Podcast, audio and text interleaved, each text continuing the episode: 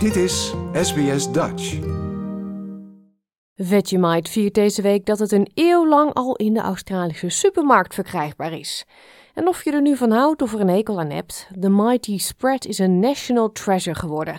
Zeg maar het Australische variant van de hagelslag. En er worden jaarlijks over de hele wereld meer dan 20 miljoen potten verkocht. How 15 million people goes on forever. It's going on. De iconische Australische spread viert zijn honderdste verjaardag. Maar of Vegemite nou echt lekker is, daar zijn de meningen over verdeeld. I grew up having Vegemite and it's great food and I feel I hate it. It's like a strong smell. makes my day every day. How bad can it be? It was bad. I hated it. Vegemite is gemakkelijk te herkennen aan de felgele deksel en de kenmerkende zoute smaak. En het is onderdeel van de geschiedenis van Australië. Je houdt ervan of je haat het. Hoe dan ook is het smeerbare broodbeleg onlosmakelijk verbonden met de smaak van Australië. Een reden voor die populariteit is dat de liefde voor Vegemite bij de meeste Australiërs al op jonge leeftijd wordt meegegeven. Bernardo Figueiredo, universitair hoofddocent internationale marketing aan RMIT University, zegt dat het gevoel ergens bij te horen absoluut belangrijk is voor het grote succes ervan. When we're talking about iconic brands and marketing um, that uh, link to heritage and authenticity and the history of the country is very important, especially uh, for Vegemite, which is a brand that really um, signifies much more than a brand or a cultural product, but it's the very soul of Australians. Even if you don't like Vegemite, you still recognize the, Australianness of Vegemite and you miss Vegemite. Tegenwoordig worden er elk jaar wereldwijd meer dan 20 miljoen potten verkocht, maar Vegemite had een moeilijke start. Er was misschien veel verwachting toen het goedje voor het eerst in de winkel lag in 1923, maar consumenten waren niet bepaald onder de indruk. Jamie Callister is de kleinzoon van de uitvinder van Vegemite. It was remarkable because when it rolled off the production line 100 years ago today, it was um, a complete and absolute dud. And now it's just become the icon it is today. And I think really it was because of their grandfather's perseverance and the fact that they just stuck it out. Het begon allemaal toen ondernemer Fred Walker Jamie's grootvader, een scheikundige genaamd Dr. Cyril Callister, inhuurde om een smeersel van biergist te ontwikkelen. Callister vertelt dat het aanvankelijk een vijandige omgeving was, omdat zijn collega's niet konden voorspellen hoe hij een verschil zou kunnen maken. Maar met vallen en opstaan kwam de chemicus uiteindelijk op de proppen met wat er momenteel in het potje zit.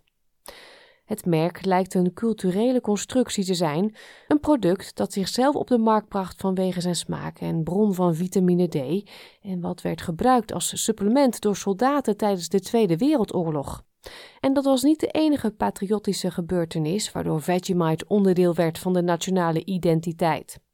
Professor Figueiredo zegt dat de Olympische Spelen ook een mijlpaal zijn geweest voor de marketing van het merk. And what was clever about that is there, that was during the Olympics of 1956. They they played that jingle as well, which helped, um, you know, the association with uh, Australianness, something that's typical Australian sports and all that. So the more you do this kind of uh, intertwining with um, um, parts of history that are quite important um, in in a country, that's how you build that iconicity and that heritage with uh, the brand. In de afgelopen 100 jaar dat Vegemite in de supermarkt lag, heeft de look van het product een ware evolutie ondergaan. Net als de lijst met recepten waarin het voorkomt.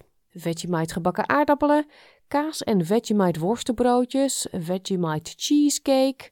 Professionals en amateurkoks hebben de nationale schat van Australië opnieuw uitgevonden. Toch zegt Renee Lim, co-host van de SBS-show Destination Flavor, dat ze het op de klassieke manier het lekkerst vindt. When I'm overseas, I think what I miss the most from home is actually Vegemite on toast. Um, now, most people sort of find that a bit weird coming out of my mouth, but I, I, don't, I don't even know when it was. I don't think I was brought up on Vegemite, but for some reason, there's something in me, genetic or otherwise, that just loves Vegemite. And I have it on Turkish toast because I think that's much better. Vegemite wordt verkocht in Australië en Nieuw-Zeeland en wordt rechtstreeks verzonden naar Canada, het Verenigd Koninkrijk en de Verenigde Staten.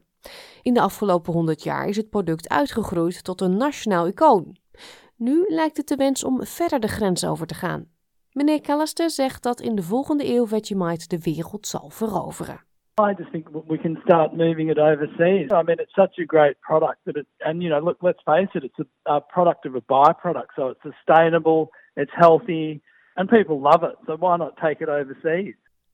Maar professor Figueredo zegt dat dit geen eenvoudige taak is. Trying to target markets that are not Australians abroad, that's much harder because that translation of the Australianness, you, you buy Vegemite because you're buying the Australianness of it.